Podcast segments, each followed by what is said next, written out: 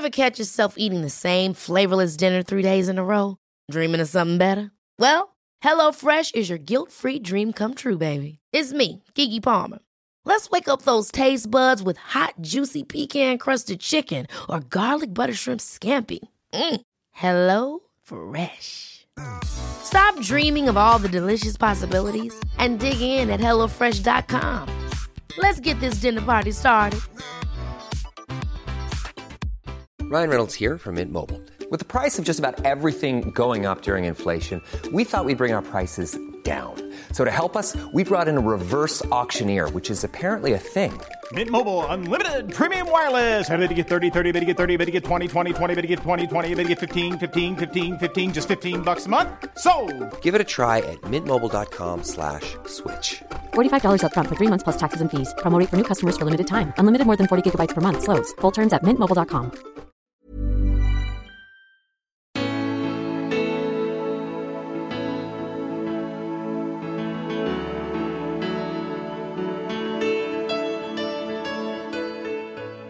Två av mina mest använda appar är mobilt BankID och Swish. Och det gäller säkert dig också. I det här avsnittet ska du få träffa Christer Samuelsson, mannen som varit med från början och skapat dessa appar som på mycket kort tid nästan raderat ut kontanthanteringen i Sverige. Christer är numera Head of Cyber Security på IT-företaget CGI. Så hur skyddar jag mig mot intrång, virus och trojanska hästar? Kan en inkräktare ta över min dator? Och hur ska jag egentligen hantera mina lösenord? Och hur sårbara är vi som samhälle egentligen för en cyberattack? Det och mycket annat får du svar på den närmaste timmen. Varsågod! Head of Cyber Security på företaget CGI. Christer Samuelsson, välkommen till podden Spännande möten. Tack så mycket. Nu, eh, till att börja med, vad är cyber security? Det låter ju coolt alltså. Vad- Kan du förklara lite? Vad, vad är det för någonting? Ja, ja cyber security är ju lite av ett eh, samlingsbegrepp kan man säga. Ja, det är ju en blandning mellan informationssäkerhet och IT-säkerhet. Jag skulle väl säga att det här cyber security det är nog mer ett, ett eh, massmedialt eh, påhitt skulle jag tro. Vi som jobbar med det, vi jobbar med antingen informationssäkerhet eller IT-säkerhet. Men cyber security har blivit ett samlingsbegrepp så nu använder även vi det som en, någon form av, av summering av det. Det är det här det handlar om. Det, är lite, det låter lite coolare än IT-säkerhet sådär eller? Ja, det är, ju- är lite, det engelska blir ju mycket coolare. Ja, eller hur? Du, Men vad är dina arbetsuppgifter? Ja, jag som ansvarig för cybersecurity på CGI så är det så att jag eh, ansvarar för ungefär ett 60-tal specialister inom IT-säkerhet och eh, informationssäkerhet. Eh, Och vad vi gör eh, inom min enhet är att vi stödjer kunder som har bekymmer eller kunder som vill eh, jobba med cybersecurity eller IT-säkerhet på ett eh, proaktivt sätt. Eh, Så då erbjuder vi eh, konsulter men vi erbjuder också en del tjänster. Exempelvis när du deklarerar och signerar din deklaration så är det vi som står bakom den. Sen har vi många andra tjänster också.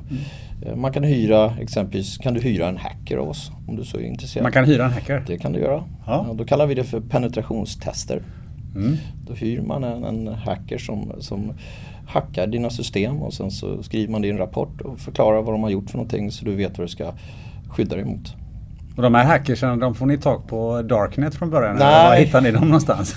Nej, jag hoppas inte de är på Darknet. Utan de, det är möjligt att de kanske är där och, och tittar. De ligger ju lite grann i gränslandet. Det, det är klart att de, de måste ju hålla sig ajour med vad som händer. Men det här är ju rena killar som är jätteduktiga på, på, på IT-säkerhet. Så att, eh, Men är de bästa hackersen, är det de som en gång har varit på den eh, mörka sidan och kommit till den ljusa? Ja, och jag ska vara riktigt ärlig och säga att det- går liksom inte att tala om vilka som är vilka faktiskt. Utan det är ju så att eh, om man är i den här branschen eh, så har de nog varit och nosat på den här mörka sidan och tittat lite på den och försöka lära sig lite av den. Så att, eh, man kan väl säga eh, generellt sett i världen så pratar man mycket om till exempel om att Kina producerar väldigt mycket hackers. Men de har en arbetslöshet som gör att inte, inte alla kan inte ta jobb i den seriösa delen. Mm. Och då hamnar man lätt i den oseriösa delen. Eh, Så att eh, de kommer från samma ställe. Okej. Okay. Mm. Du kort bara innan vi går vidare. CGI, eh, vad är det för någonting? Ja, alltså det, eh, så här är det med CGI. Det är, ju, det är ett kanadensiskt IT-bolag. Det är en av världens största IT-bolag. Nu är vi över 75 000 anställda. Eh, jag har fått eh, hört en gång vad CGI står för. Men vi säger så här i företaget att vi säger det bara till er en gång när ni nyanställer. Sen ska ni aldrig använda det riktiga namnet. Det är någonting på franska och ganska svårt. Utan CGI är CGI så det, det håller vi oss till. Så att vi säger inget annat. Det är ett IT-konsultföretag kan man säga. Det är ett IT-konsultföretag. Så det, det, är en av de större IT-jättarna i världen. Mm. Vi ska ju, den närmaste timmen så ska vi prata om IT-säkerhet. Och um, det är ju en av de hetaste ämnena just nu. Varför är det så? Jag skulle säga att det är det hetaste ämnet just nu. Eh, de flesta företagen är involverade i det här. Eh, och när vi gör kundundersökningar så, så ligger det på nummer ett hela tiden att titta på IT-säkerheten. Eh, och anledningen är att dels att det sker väldigt mycket attacker. Jag tror att det sker nästan attacker dagligen idag. Och det är många företag som råkar ut för, åtminstone en gång om året så råkar man säkerligen ut för någon form av incident eller IT-attack. Sen har det också med att göra med Eh, under den digitaliseringen som vi haft så är det så att vi har varit väldigt på digitalisering. Det har varit väldigt kul och man hittar på nya saker och man bara kör. Eh, så tittar man på hur, hur mycket har vi utbildat eh, så att säga, IT-säkerhetsexperter under den här tiden? Eller har man jobbat mest med att utbilda alla inom digitaliseringen och jobba inom den frågan? Och där har vi ett glapp. Och det glappet börjar bli tydligare idag. Eh, vi har inte lika många som jobbar med IT-säkerhet som det som jobbar med digitalisering, självklart. Eh, och framförallt tror jag i Sverige som har varit, eh, har varit väldigt framgångsrika på digitaliseringen så har vi, har vi ett glapp. Vi har inte tillräckligt många som jobbar med IT-säkerhet. Och därav så blir det lite grann öppet mål om man får uttrycka mig så. Då, då sker det en massa attacker. Vi är inte tillräckligt bra på att skydda oss. Och då, där har du då den fokusfrågan. Och den kommer inte ta slut nu den kommer bli ännu värre. Vi kommer ha ännu mer fokus på IT-säkerhet. Men är vi lite för godtrogna också? Ja, vi, vi, jag vet inte om, vi är ju naivt folk om man får uttrycka det så. Eh, jag tror att det är, det, det är lite olika. En, en, del är väldigt sådär skeptisk mot, eh, mot digitaliseringen och är det här verkligen sant? Är det här verkligen rätt? Eh, Medan andra bara kör på. Så att jag tror det är någonstans i, i vår natur det här kring att, att vara lite naiva. Vi, men vi är väldigt framgångsrika i Sverige överhuvudtaget och, och då är det klart att digitaliseringen, där är vi framgångsrika också. Så vi har ju haft många teknikstyrda stora bolag i Sverige som varit väldigt framgångsrika. Det, och då, är, då blir det full fart framåt och så tar man det lite lugnt med säkerheten. Men vår naivitet kan den bottna i också att vi eh, inte varit i krig på över 200 år och inte behövt skydda oss mot angripare? Ja, det, det är möjligt. Eh, ja, det, det, kan vara så. Eh, det kan vara en bra analys. Jag ska inte våga mig på det för jag är inte tillräckligt beläst i krigshistoria ska jag säga. Men det, det kan nog vara så. Ja. Um, men hur hamnade du själv in i det här ämnet IT-säkerhet eller cybersecurity? Mm. Ja, det var rätt intressant för jag, eh, jag jobbade på SEB eh, ungefär åren kring 95, 94-95. Och då jobbade jag med sådana här eh, små dosor eh, som man loggar in sig Idag loggar du in dig på en internetbank med de här doserna. Eh, men på den tiden så ringde man in på telefon och sen använde man doserna, så kallad liksom, telecom banking kallar man det för. Jag jobbade med dem och sen under 1996 så lanserade SEB internetbanken. Och i och med att jag jobbade med de här doserna så, så frågade man mig då, har inte du lust att, och titta på säkerheten? Och man menar säkerhet, då menar man egentligen när jag skulle då distribuera ut de här doserna till alla kunderna. Jag tyckte det var en ganska fascinerande, modigt steg av, av en bank måste jag säga. Och då pratar vi 96 när man lanserade sin internetbank. Vad man gjorde det var att man öppnade upp möjligheten att externa, det vill säga kunderna, skulle kunna koppla upp sig rakt in i bankens system för att kunna titta på sina konton och kunna göra sina betalningar själva. Eh, jag kan säga så här, det skulle aldrig gå till så idag. Det finns inte en bank som skulle öppna det här på det här sättet idag. Men där var lite, digitaliseringen hade, började då sätta fart. Eh, och då fick jag det jobbet att, att ta hand om, om doserna och då kallades jag också då för säkerhetschef för internetbanken. Så redan från 1996 då. Mm. Vilket var väldigt fascinerande för att det fanns ingen IT-säkerhet, det fanns ingen utbildning. Du kunde inte fråga någon. Jag var helt ensam i det här läget. Och sen så tänkte jag så här, ska jag försöka skydda den här banken? Det här kommer bli jättefascinerande. Och jag kommer ihåg att jag Alta Vista, om du kommer ihåg det. Just så det, det var någon sökmotorn. sökmotor ja. ja, jag sökte på då eh, IT-säkerhet och informationssäkerhet. Och jag tror att jag fick sju träffar eller något sånt där. Oj. Det var någon som hade skrivit någonting om det sådär. Eh, men eftersom internet egentligen inte fanns på riktigt, det hade precis börjat dyka upp då, så fanns ju inte heller säkerheten på riktigt. Så det där var en väldigt eh, fascinerande tid av att hela tiden lära sig och hela tiden nätverka. Mm. För jag gjorde så här att jag kunde inte ringa någon i min egen bank. Däremot var det en väldig tävling mellan bankerna vem som hade lanserat första internetbanken och kunderna bara öste in. Det skulle vara 10 000 första året trodde vi. Vi fick 10 000 första månaden. Oj. Och så bara distribuerade vi ut sådana små doser och sen så var det fullt race. Så jag var ju tvungen att kontakta de andra bankerna och det var ju mina konkurrenter. På den tiden just när det gäller internetbanker så var vi väldigt mycket konkurrenter. Ja, för då handlade det om att ta vem skulle få mest kunder för det var det som var värdet på den tiden. Jag vet inte om du kommer ihåg att det var jättevärde med att ha så många kunder och då åkte för IT-bubblan och då åkte företagets värde upp. Just det. Så att jag kontaktade de andra bankerna och så försökte jag skapa en dialog med dem. De som då hade fått den här rollen som jag hade fått. Och de var ju lika vilsna de. Men då insåg vi att vi måste nog börja jobba tillsammans. Och vi måste börja tänka så här att vi ska inte prata om tjänster eller lanseringar eller produkter eller innehåll. Vi ska bara prata säkerhet. För det är ingenting vi konkurrerar om. Utan det tjänar vi inte på att vi hamnar i läget att någon är osäkrare än den andra. Så där började ett, ett, ett, ett jag kan säga där började ju egentligen eh, när vi startade BankID-samarbetet. Mm. Där började vi mm. med det. Men om man tar ett steg tillbaka i, i, din karriär så att säga. Vad, höll du på med datorer väldigt tidigt och hackade och hade och testade? Nej, och grejer? nej jag gjorde inte det. Det gjorde jag inte alls. Eh, jag var, jag var faktiskt i, i, tämligen ointresserad av, av, av, datorer på det sättet. Eh, jag menar, då, det som, var, dels, jag växte ju upp med en sån här VIX64 och det man kunde göra var att skriva go to och så 10 och så skrev den sitt namn. Det var liksom det mest avancerade man kunde göra med, med datorer. Eh, eller så kunde man leka med någon sån här Donkey Kong om man sprang och hoppade med. Eh, men sen när jag började i arbetslivet då fanns inte datorer. Eh, och sen så småningom runt 95-96 då började vi gå över till PC. Och det är klart, då var det ju intressant och då blev det lite roligare. Mm. Men sen ju mer, eh, alltså ju mer vi jobbade med den här frågan och desto mer utmaningar eh, desto roligare blev det ju. Ja, det är klart.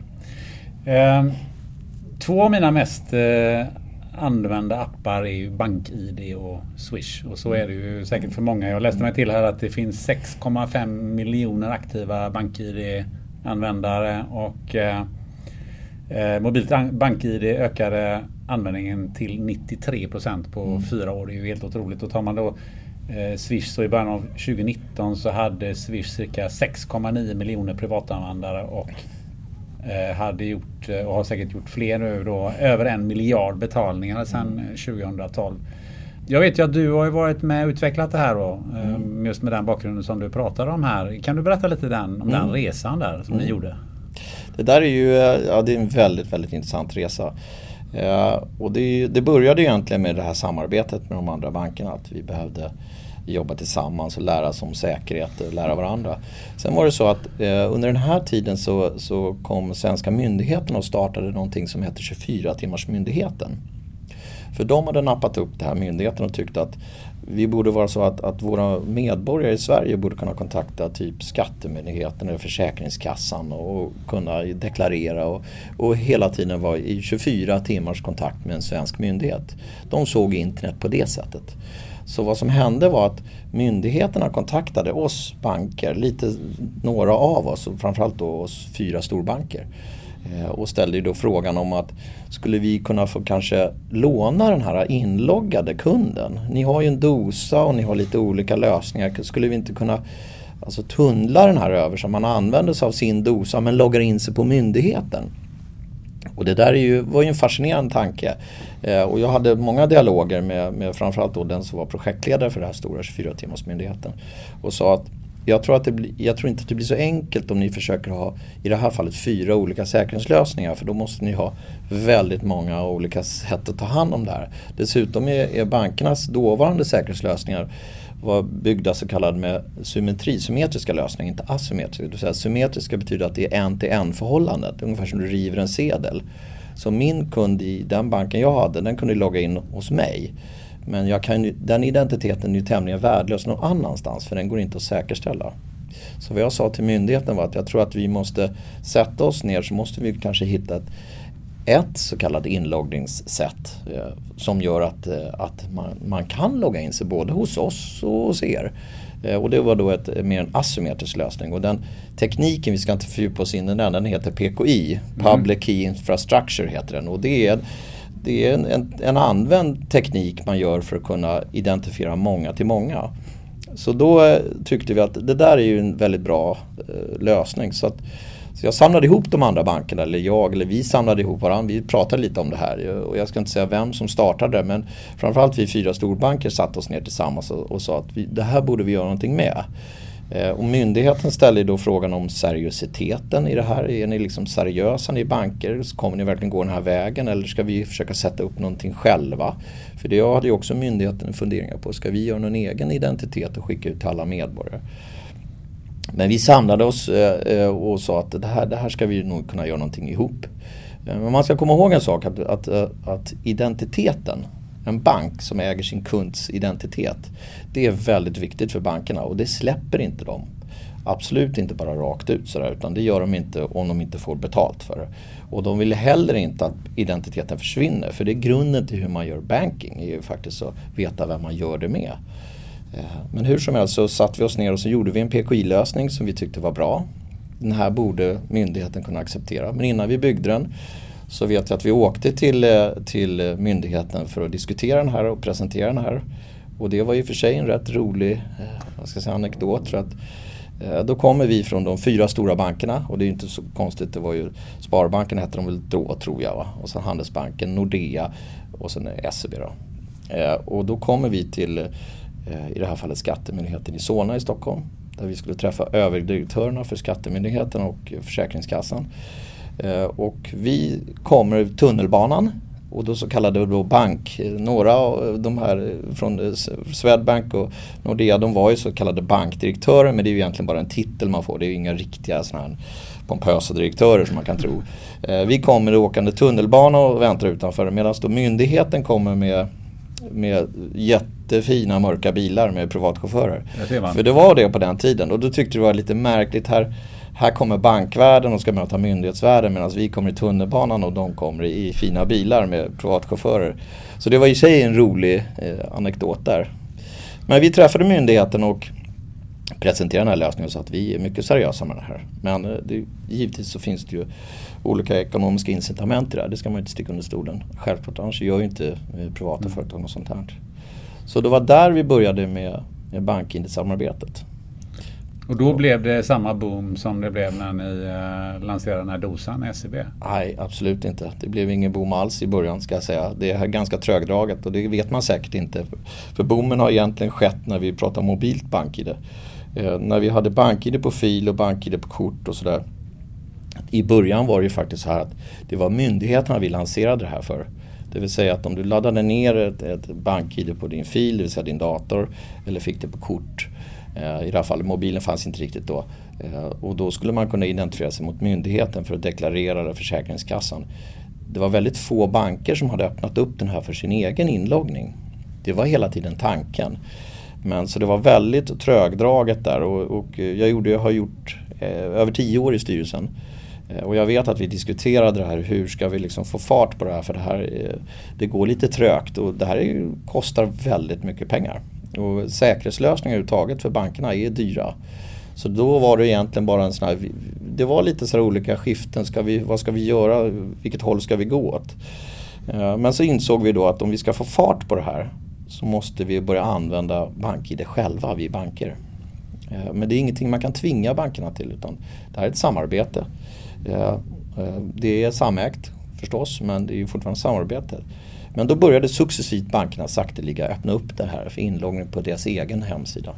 Men eh, var det bankerna som betalar hela kalaset? Det är bankerna som har betalat hela kalaset, ja. Absolut. Men sen eh, om man kommer till Swish då. Så är du en fullständigt extrem utveckling. Mm. Det är väl den mest användbara appen eh, som finns. Mm. Ja, jag tror jag. att den, den ligger väl väldigt bra till på den listan. Eh, och Swish, är, det är ju än en gång, det är ett, det är ett banksamarbete. Eh, där, eh, där jag ska säga, jag, min involvering i Swish är ju inte lika stark som det var i, i BankID och mobilt BankID. Men däremot så, eftersom jag satt i en, en ledningsposition på vår internetbank på SEB så var jag med i vissa beslut kring Swish. Så jag förstår ju vad det kom till och jag vet ju att jag själv faktiskt har sagt nej till det två gånger, gjorde jag. För att? Eh, eh, nej, för jag såg ingen lönsamhet i det. Det var min första fråga, för det är ju så att eh, det handlar ju till mycket om att tjäna pengar. Här skulle man sätta upp en infrastruktur, ganska dyr infrastruktur för de var tvungna att vara väldigt säker.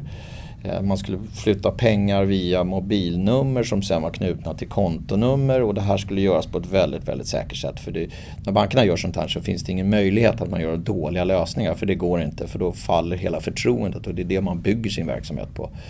Eh, Så att jag hade lite svårt att se vad, är det, vad ska vi tjäna pengar och hur kan vi ta ut någon form av intäkt för det här.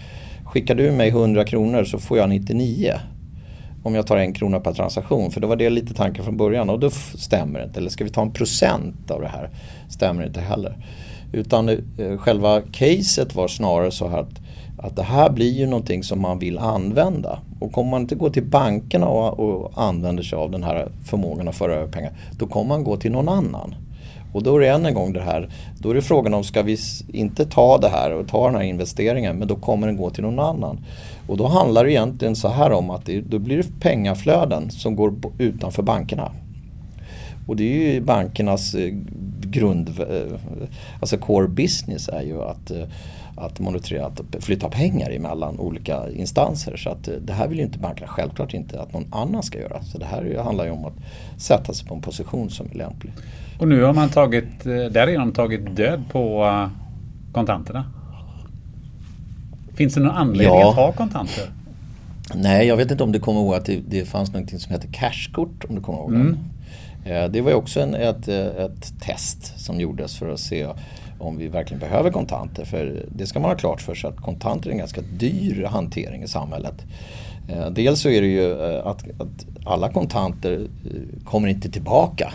Så att säga, utan de försvinner eller de ligger i byrålådor eller tappas bort och etc. Så det är inget bra flöde, då har man ingen kontroll, då kan man inte förränta några pengar. Så om man tittar i samhället i stort så är det en dyr hantering. Eh, Och sen är det så att man får hela tiden, hela kontanthantering handlar om att du ska föra kontanten från ett ställe till ett annat och där har du ju då rånrisk etc. Och- jag vet inte om du kommer ihåg, vi hade ju en riktig sån här eh, värdetransportrånsperiod här under ett tag. Eh, eh, Eh, som var väldigt, väldigt jobbig att hantera. Eh, för då blir ju väldigt många människor också berörda fysiskt. Inte, då pratar vi inte IT utan då pratar vi faktiskt att man fysiskt kan komma till skada. Och det är ju, och det är ju än värre än den digitala.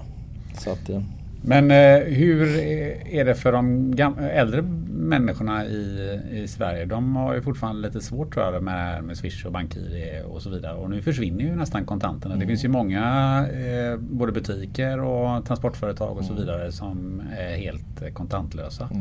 Och det har gått extremt eh, fort. Hur, eh, hur tar man hand om dem? Ja, det, det, den frågan borde du ställa till, Ja. till bankerna idag. Men jag kan väl säga så här att jag, eh, vi, vi är ju ett extremt kontantfritt eh, fritt samhälle i Sverige idag. Ja, för om man jämför med Tyskland eh, eller andra Spanien, länder, till Spanien och så vidare. Alltså, tyskarna skakar ju bara på huvudet åt det här. Vadå Swish? Vad är det för någonting? Vad, vad, vadå inte? Vadå? Har ni inga kontanter? Ja, jag, jag, jag stöter på samma sak när jag försöker beskriva Swish ibland för, för utländska kollegor. De säger vadå, skickar du bara de här över mobilnumret? Det verkar ju jättefarligt och det verkar konstigt. Nej, nej, jag vill ha koll på mina pengar. Så visst är det så. Men jag tror också om man tittar på statistiken på BankID, Swish och åldersmässigt så har det gått upp i åldrarna enormt mycket. Ja, så att, eh, men det är inte underskattat att det finns ett bekymmer. Så är det ju. Och jag är inte så säker på att alla butiker numera heller tar kontanter. Nej, det gör de inte. Eh, för det är också för dem en dyr hantering. Kontanthanteringen är också för dem en dyr hantering. Och jag har faktiskt sett några butiker där det står att vi tar inte emot kontanter. Mm. Eh, och, då känner jag, och då känner jag själv att, att eh, då har, tycker jag att digital- digitaliseringen kanske har gått lite för fort och, och kanske har tagit lite för stort steg. För det är faktiskt fortfarande människor i samhället som som använder kontanter. Överhuvudtaget så bör man nog tänka på digitaliseringens framfart i förhållande till, så man inte gör grupperingar här i samhället. Så att du har en, kanske en äldre generation eller en generation som inte gillar digitalisering och hamnar liksom utanför. Det, det, jag vet inte om det går, det, det går väl att deklarera idag med kan man skriva under en deklaration och åka in med? Det kan man säkert göra, jag vet inte. Jag, inte Jag vet inte, det börjar väl vid gränsfall? Ja, och det, det, är samma, det är samma där. Alltså kontakter med myndigheter sker digitalt. Kontakter med försäkringsbolag och banker eller andra, det sker digitalt det mesta. Så att, så att det, det är tufft och då är du inte med i digitaliseringen, det är risk här ser jag att du får en liten eh, ett, ett glapp här emellan. Om vi då kommer in på det här med säkerhet. Du sa ju så här att det här är absolut eh, säkra tjänster och så vidare. Men hur säkra är de? Ja, det finns ju inga hundraprocentigt säkra tjänster, det ska vara klart för oss. Men eh, vad, är, vad är gapet så att säga i en sån här eh, tjänst? Var någonstans eh, kan man kanske se att det finns en risk för, för intrång eller för problem med det? Mm. det, det oftast när man tittar till exempel på BankID och andra lösningar där, där man så att säga, hittar den här svagaste länken är oftast någonstans i början. Eh, och det har ju varit en del artiklar om det när man kapar eller tar över någon annans BankID. Det är egentligen där du, det är där du gör. Du börjar ju någonstans om du ska... Eh, det svagaste länken är någonstans i början när vi människor möts eller när vi människor hämtar hem eller att man begår misstag där. Själva tekniken under resans gång den är eh, ganska svår att attackera. Och det är så att när man attackerar någonting i dagens läge så attackerar man aldrig någonting som är svårt utan man tar alltid det som är lättast. Eh, men jag skulle säga att de här lösningarna som BankID och Swish eh, och andra lösningar i Sverige idag, de, är, de har en väldigt hög nivå. Det har de. Eh, man går igenom väldigt mycket granskningar innan man släpper någon sån. Men mobiltelefonen som sådan är inte en svag länk. Kan den bli infekterad så att eh, den kan börja och, och, skicka saker och ting? Jag skulle nog säga att det är en svag länk. Det är en svag länk? ja, ja, det tycker jag definitivt att det är. Eh, och det är väl lite grann det här om vi går tillbaka till det här om man är naiv. Mm. Eh, så att eh, om du kommer ihåg PC-världen, vi fick PC till våra arbetsplatser. Eh, och det var inte så mycket skydd på dem och så började virusskydden dyka in där. Eh, vi, vi eh, laddar inte ner saker. Företaget gick ut med policy och sa ni får inte trycka på download, ni får inte ladda ner vad som helst, det kan åstadkomma massa saker. Och sen skickar vi ut mobiltelefoner som agerar exakt likadant som din PC. Det är ingen skillnad, du sitter och läser dina mail och allting. Men det är väldigt få som går ut med hur man skyddar sina mobiltelefoner och hur man agerar. Och det där är ett helt det är ett helt nytt eh, kapitel som, som man ställs inför. Och när jag träffar företag där de har eh, lite glapp och, och där de är lite fundersamma. Du har en, och då kan man inte bara titta på själva tekniken, att en mobil kontra en PC. Utan då måste man titta på hur samhället ser ut och hur vi rör oss. Det, statistiken visar till exempel att vi, vi, vi jobbar hemma mycket mer än vad vi någonsin har gjort. Och det fortsätter. Och då måste man fråga sig, vad innebär det att sitta hemma? Jobbar du på med företagets PC eller sitter du med mobilen och läser dina mail? Eh, det måste man fundera på som företag så, så man inte hamnar i något fel läge där. Eh, många av oss, tyvärr, så är vi över 50% nu har jag sett statistik som loggar in oss när vi är på semester och läser våra mail. Eh, Män lite mer än kvinnor men det är väldigt få procentenheter som skiljer där. Och då måste man fundera där, är det bra? Att du sitter och, och läser dina mejl när du är på semester. Vilket skick är du i på semestern konstant? Eh, du ligger kanske på stranden och, och, du kanske till och med dricker en drink eller någonting och sen har du mobilen då kanske till och med öppen och läser eh, meddelanden från som arbetsgivaren eller med, tar man över den så kan man till och med börja skicka mejl hejvilt eller börja läsa vissa dokument som är känsliga. Men är risken att ta över en mobiltelefon precis lika stor som eh, att ta över en dator? Nej, det ska jag väl inte säga. Alltså det, det är bra alldeles, det är helt två olika attacker. Ska jag säga. Så det, jag tror inte man kan inte riktigt jämföra dem. Eh, sen klart att det finns möjlighet till att klona telefoner och, och agera på det sättet. Eh, men det, det, är oftast när man ser sånt, eh, då är det mer lite så här uh, bussträck att kunna ta över någons mobil och skicka sms och såna här saker. Vad finns det för garantier att de här koderna inte läcker ut? Du menar koderna i... eh, Ja, alltså till exempel att eh, mina, min inloggning på mitt bank-id inte läcker ut i en jättestor läcka någonstans. Ja, ja alltså det där har, det är ju lite grann, eh, om du kanske är inne på här lite på GDPR och lite kring det här hur man förvarar personuppgifter och, och sådär delar. Ja, och det är klart att det, alltså personuppgifter förvaras lite överallt. Eh, och, och det är klart att det kan läcka ut. Det handlar egentligen om vart de förvaras någonstans och vem som förvarar dem. Eh, och vilken seriositet man har i att verkligen se om man, om man förvarar dem här på ett bra sätt. Och det är väl, om vi ska titta på GDPR till exempel så var ju det en av de lagstiftningar som jag jobbade rätt mycket med. Eh, och någonting som jag tyckte var så väldigt bra. För GDPR handlar egentligen om att skydda medborgare. Och det tyckte jag det var, det var fantastiskt bra för att jag var själv trött på det här. Så fort du skulle logga in någonstans eller läsa en artikel eller någonting så var du tvungen att uppge hela ditt liv i princip bara för att få läsa en artikel. Och så blev man aldrig av med det. Man kunde aldrig säga sluta, använd mina identiteter, skicka ingenting till mig, jag vill inte ha någon mer reklam. Utan man bara östes över. Så jag tyckte GDPR var väldigt bra initiativ och väldigt bra, vad ska jag säga, väldigt bra riktmärke eller vad ska jag säga. Någonstans var man ville inom EU. Men man har ju absolut inte uppnått det. Det är ju långt därifrån. Nej, man har en bit kvar där va? Ja, väldigt bit kvar. Men om vi tar det här med eh, säkerhet och bank. eh, Det finns ju även kort eh, kopplade till, till konton och, och, och bank-id. Och jag har en fundering. När jag var på Clas Olsson senast så sålde man ett kort som skulle skydda mot att någon läser av mitt kort i min plånbok som man tydligen kunde göra med något program i en mobiltelefon. Och så skulle man då köpa ett kort på Clas Olsson som kostade 250 spänn som störde ut det här. För mig låter det lite sådär. Är det verkligen så att eh, någon kan läsa av ditt kort i din plånbok?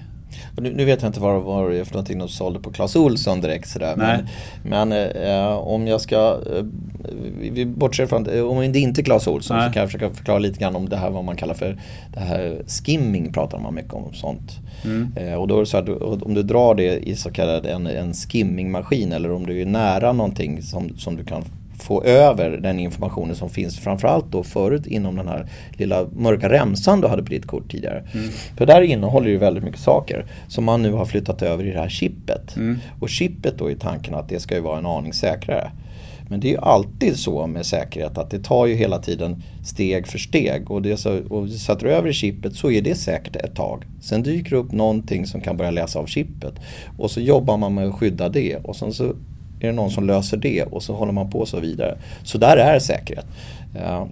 Claes Olsson har ingen aning om Nej, om de, nej, men men det jag bara tänker Men det- det överhuvudtaget. inte- eh, jag tänker överhuvudtaget.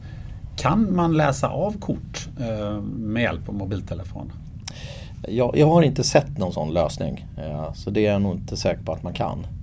Eh, Och det, och det är lite grann i den här branschen ska man nog vara försiktig med det här. För att det är my- mycket sånt där så att, att jag har en kompis som, eh, eller jag har sett det här. Och, eh, och det ska vi säga så här att eh, det är inte fullt så enkelt att vara en hacker eller attackera mobiltelefoner eller datorer som man kanske läser om och säger att det är väldigt enkelt och det går väldigt snabbt, det tar bara tre sekunder. Ja, det är möjligt att det tar tre sekunder för någon som är otroligt skickligt påläst och väldigt duktig så kanske det tar två, tre sekunder. Om de sitter i en viss situation så kanske det går fort. Eh, Om jag får ditt kort och lägger den mot en speciell läsare jag har gjort här så är det möjligt att du kan få ut massa material och det tar bara några sekunder. Men det är ju inte riktigt sånt, så man går inte bara förbi någon och så har helt plötsligt allting bara försvunnit ur kortet. Så är det ju inte riktigt. Nu har vi pratat lite på mikronivå, men om vi tar det till makronivå. För den, det stora problemet är väl om internet som sådant slås ut. Då kan vi ju hälsa hem med våra mobila bank-id och Swish och andra elektroniska eh, sätt att betala på. V- Vad händer då? Det, alltså slår vi ut internet totalt sett så slår vi ut hela betal eh, finansiella marknaden självklart. Så det blir ju jätte, jättesvårt. Då måste vi på något sätt gå tillbaka till contingency plan till faktiskt börja hantera kontanter eller gå och betala någonstans.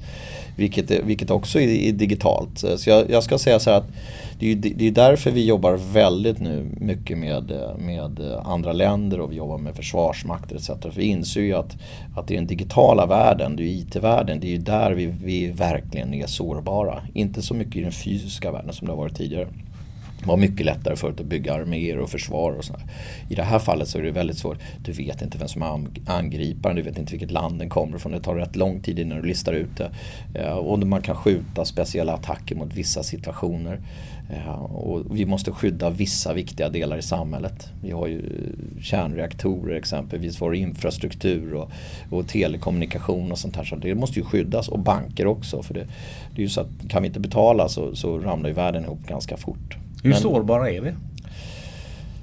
Ja, ja alltså det, det, är svårt att säga någon skala på det här. Men eh, jag tycker att vi är tillräckligt sårbara. Det är vi.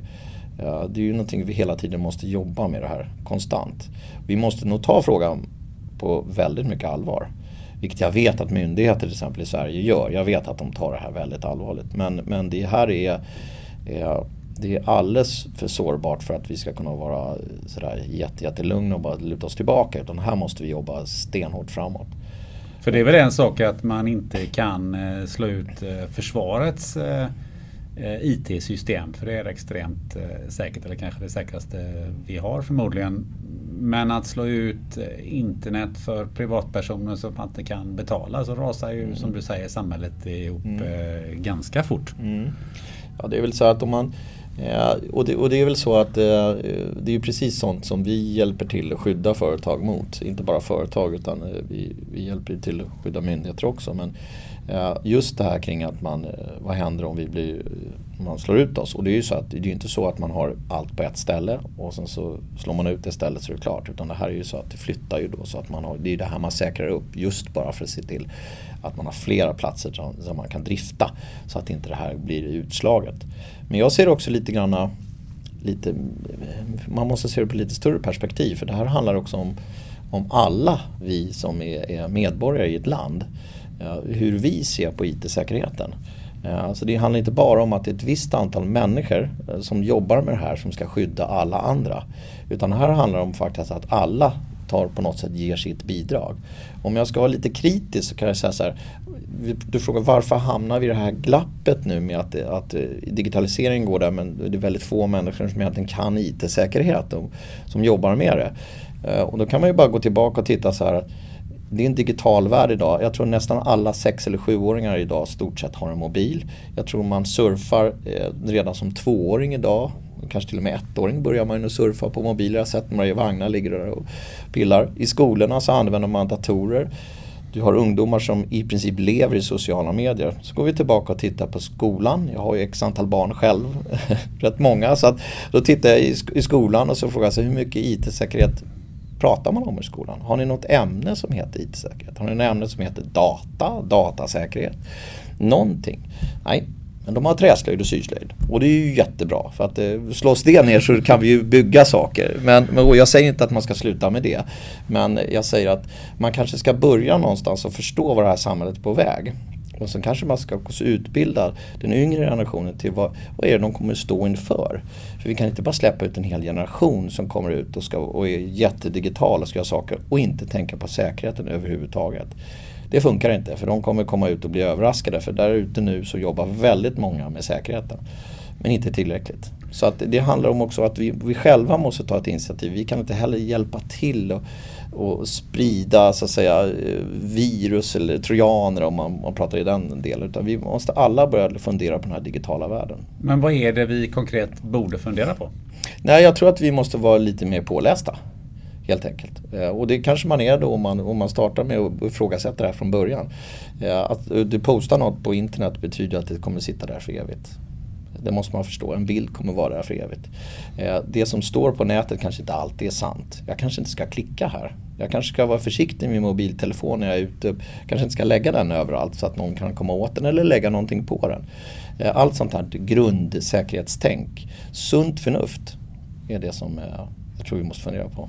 Jag tror det är inte så många som känner till någonting av det du sa precis nu. Nej, och det, och det, är, väl, och det är lite där också den, när jag har föreläsningar och pratar mycket med myndigheter till exempel. Det är också att jag tror att vi måste ha en dialog. Vi ska inte vara rädda för att ha en dialog. Jag tror också att det har funnits väldigt mycket sådana här att man har tystat ner saker som har hänt och man vill inte prata om det som har hänt. Eh, vilket gör att det blir på något sätt två läger. Det blir vi som jobbar med den här säkerheten och framförallt vi som jobbar med bank och säkerhet. Det var på något sätt att gud, ni, det händer en massa saker som inte ni får säga. Eh, och, och, det är ju inte riktigt sant. Men, men eh, vi måste ha en mer dialog. Det skadar inte att man faktiskt berättar att man har haft ett intrång och vad som hände och varför det orsakade det. Så att man kanske kan ha en debatt om det istället. Vi pratar just om mobiltelefoner och, och alla sådana här mobila devices. Eh, och det, det pratas väldigt mycket om hur vi uppko- hur uppkopplade vi är och hur sökbara vi är och hur mycket spår vi lämnar efter oss. Mm, ser du en säkerhetsrisk i, i det? Oh ja, oh ja, det gör jag. Det finns ju inte eh, det finns snart inte ett eh, ställe du kan gå på där du inte kan bli spårad. Så är det ju. Eh, och du lämnar vad vi kallar för footprint eller fot, eller, jag vet inte vad det heter på svenska mm. riktigt, men fotspår eller vad man ska säga. Efter dig var du än är någonstans om du loggar in det eller när du går eller betalar. Eh, och ju mer digital du är desto mer kan man veta om dig. Eh, och man kan ta reda på det. Eh, jag menar, du, du, vet själv när du, när du är inne på Facebook eller någonting så helt plötsligt så får du upp reklam som du tänker så här, wow vad riktad den här var till mig, vad spännande att det var just gräsklippare som dök upp även i det här mediet. Och det beror ju på att du har lämnat en del footprint efter dig. Kommer fel personer åt det här, om, om man verkligen vill, vill uh, ut efter dig så att säga, då kan man nog skada dig ganska rejält med, med att man får reda på var du är någonstans. Och, om det är på landstället eller vad, vad det är för köpbeteende du har eller på något sätt annat. Man kan, man kan nog agera som dig om man så vill ganska rejält. Är det ganska enkelt att komma dit? Här? Ja, det, jag skulle tro att eh, om jag kikar, nu vet inte, jag har inte gjort det men jag tittar på din Facebook men jag skulle nog kunna få ut en hel del om dig om du har Facebook. Mm. För av någon anledning så, så vill vi människor naivt synas och, och, och liksom, Eh, Eh, visa hur bra mat vi har gjort, på vilket landställe vi är. Och, och, och jag menar, är du lite grann nitisk där så kan du ju faktiskt börja titta bakom bilderna. Vad är, det som, vad är de någonstans? Är de oftast i Åre? Vilken tid är de i Åre? Och sen så kan du liksom gå, det finns ju historik också. Det går jättebra så du kan ju bara sitta, och titta tillbaka så vet du att varje sport och så åker de dit. Vad bra då är ju huset tomt i alla fall. Det låter ju eh. väldigt, det, det låter den enkla varianten men eh, jag funderar på just, eh, vi var inne på det tidigare med att, att, att ta över mobilen eller eh, veta saker, eller vad vi har godkänt egentligen. Eh, för vad jag har hört så, så finns det, nu är, det, nu är vi lite grann där igen som vi, jag tror vi var inne på att jag har hört att en kompis har sagt någonting. Ja. Mm. Men, men det här att, att äh, är vi medvetna om vad vi har godkänt äh, till exempel att Facebook får lov att göra eller att Apple får lov att göra. För att just det här, man har hört att en kompis säger någonting. Äh, det var någon som var inne på det här häromdagen att ja, men du har ju faktiskt godkänt att Facebook kan logga det du säger när du är i närheten av telefonen. Ja.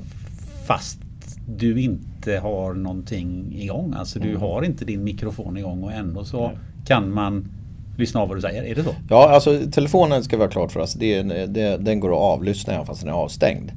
Eh, så när vi har riktigt strikta säkerhetsmöten så har vi inte ens mobiler på oss i rummet utan de låses in en bit ifrån i sådana här stålboxar som ingen kan lyssna av. För att din mobil, det går att lyssna av den när den är avstängd så att man kan höra precis allting som, som sker. Det är som en mikrofon eller inspelningsutrustning. Nu är det ingen som sitter och spelar in den men, men det, det går, det är tekniskt möjligt. Sen ska jag väl säga det här med, med eh, footprint och allt det här, var du befinner dig någonstans. Det är ju, alltså är det bara är det fel personer som får tag i uppgifterna så kan det vara skadligt. Men det är, det är oftast inte det. Däremot så brukar jag när jag har föreläsningar fråga alla när man laddar ner saker på sin PC. Då, det är alla lite så här Gör du det? Ja, men dyker det då ibland upp någon text? Läser den? Ja. Så brukar jag ha handuppräckning. Ni som alla, har ni laddat ner en app någon gång till er telefon? Har ni någon gång läst vad, vad ni godkänner i den appen? Även fast vi pratar då kanske amerikanska bolag, Facebook och de här eh, delarna så, så de spar ju enormt mycket. För de säljer ju det vidare. Det är ju det, hela deras idé är ju att ta ner så mycket som möjligt. Men det finns ju andra saker som du, som du laddar ner i appar som du faktiskt godkänner också. Att de positionerar dig eller eh, att de tittar på ditt köpbeteende till exempel. Det är ganska vanligt. Eller din surfstatistik, var du liksom klickar någonstans och hur snabb du är. Men igår har det gått så långt så att eh, man faktiskt eh, så att Facebook eh, kan ha tillgång till din mikrofon och höra vad du säger och sen därefter lägga upp annonsering. För det var någon som sa det till mig så här, men alltså det har varit mycket konstigt. Nu har jag pratat om skotrar hemma med min fru och sen när jag går in på Facebook så är det reklam för skotrar. Mm. Och då mm. börjar man liksom tänka att ah, det kanske är en tillfällighet. Och så var det någon annan som sa ja, jag har också råkat ut för det där. Är det så att man har gett tillgång till... För, för jag har varit med någon gång när, jag, när Facebook har frågat efter varför, varför ska de ha tillgång till micken för? Mm. Jag ska ju lägga upp bilder. Jag fattar inte det här. Ja. Nej, alltså jag skulle nog säga, eh, eller det kan jag i och för sig inte säga för jag vet ju inte hur Facebook agerar. Om de nu har agerat på något mm. olagligt sätt, det har jag inte en aning om. Men rent tekniskt så går det att lyssna av en mobiltelefon. Sen ska inte jag säga att Facebook gör det. Nu tror jag kanske i det här fallet om, man, om det är skotrar eller någonting så kan det vara att han har surfat på det eller tittat mm. på det på annat sätt. Jag mm. tror inte det har med talet att göra faktiskt. Det tror jag inte. Men, eh, men det är klart att det är tekniskt fullt möjligt att lyssna av en telefon. Eh, dock gör man ju inte det i, så att säga, de flesta gör ju inte det olagligt. Jag skulle tippa på att mikrofonen handlar snarare om att man vill eh, starta andra dialoger med, med kunder. Mm. Om vi går in på just det här med mail. Så det känns som att det är en av de mest vanliga sätten att man får in skräp eller mm. att man Eh, får låsning av dator eh, eller, eh, eller sådana här grejer. Ehm, jag har ju för den senaste tiden fått extremt mycket mail och det har nog många andra också fått. Där man säger att ja, men vi har hackat ditt, ditt mailkonto hos din mailleverantör. Och så har vi tagit över din kamera och så har vi sett vad du har gjort eller vad man har hotat med. Så försöker man pressa folk på pengar. Mm. Är det tekniskt möjligt att göra på det sättet? Eh, ja, du kan ju ta över någons kamera, det är tekniskt möjligt. Om du, jag vet inte om du kanske tittar på min PC så har jag ett litet skydd här för kameran. Mm. Så, att, eh, så att inte någon...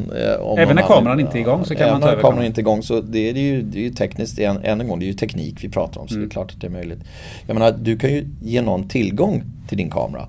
För du kan ju faktiskt sitta och, och skypa eller på något mm. annat sätt. Ja, men då är det ju tekniskt möjligt. Mm. Att det, den fungerar ju. Mm. Uh, och då kan ju givetvis någon annan också plocka in den när, när, du inte riktigt är med på det. Så det är klart att det är tekniskt möjligt. Det, sen ska man vara klart för sig att, uh, att de här som gör attacker, eller när man gör stora attacker.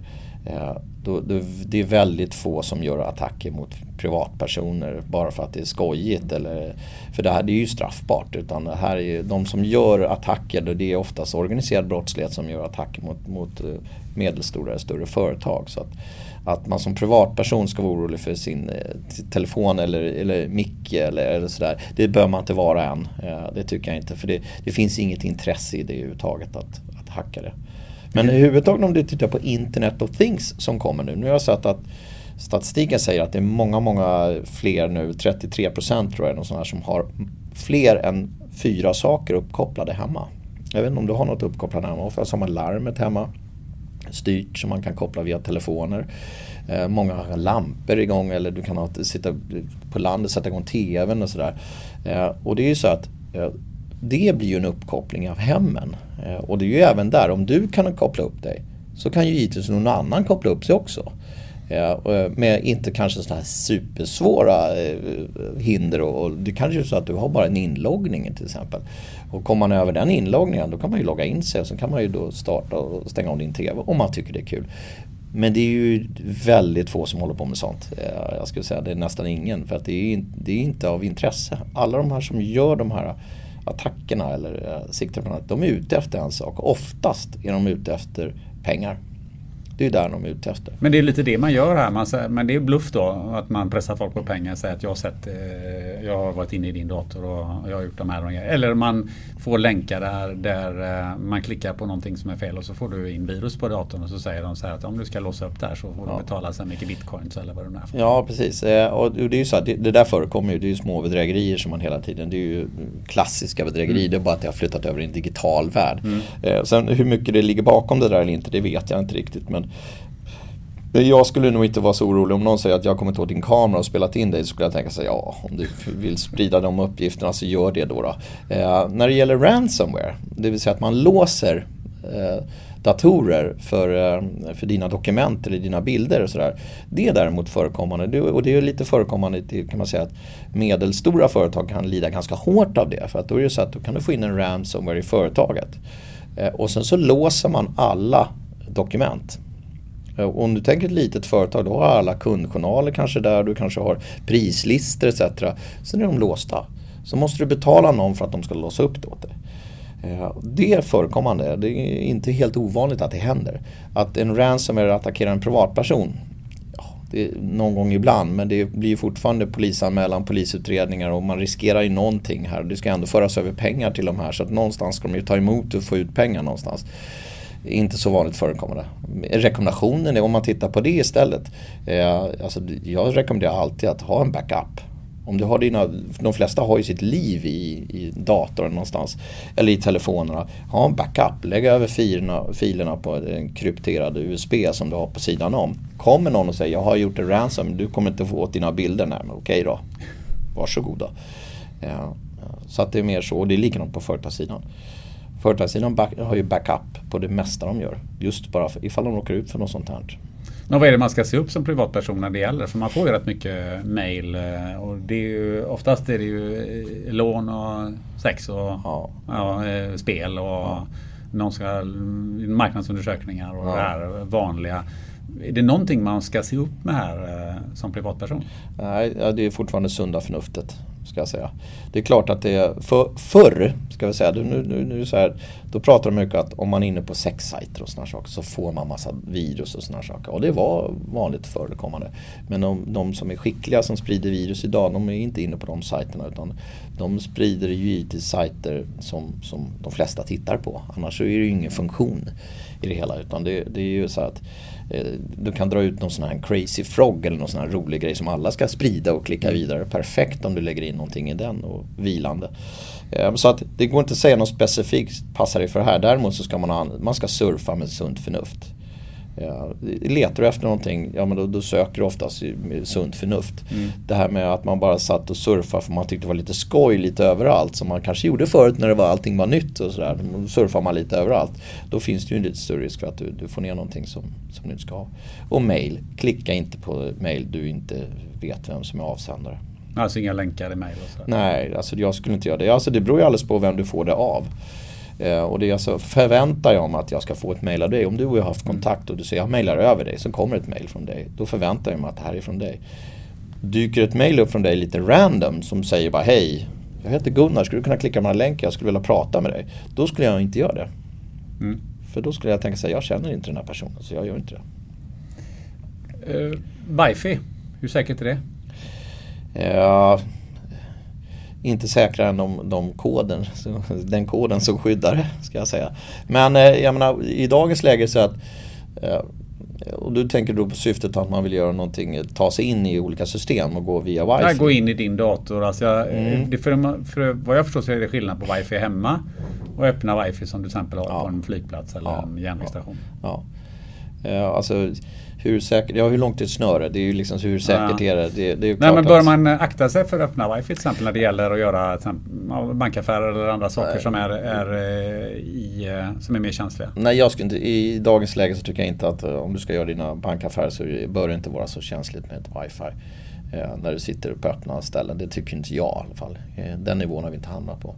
Däremot så eh, jobbar du med väldigt avancerade företagshemligheter eller någonting sånt där så ska du ju använda dig av dina egna uppkopplade delar. Eh, inte publika wifis. Men annars så tycker inte jag det.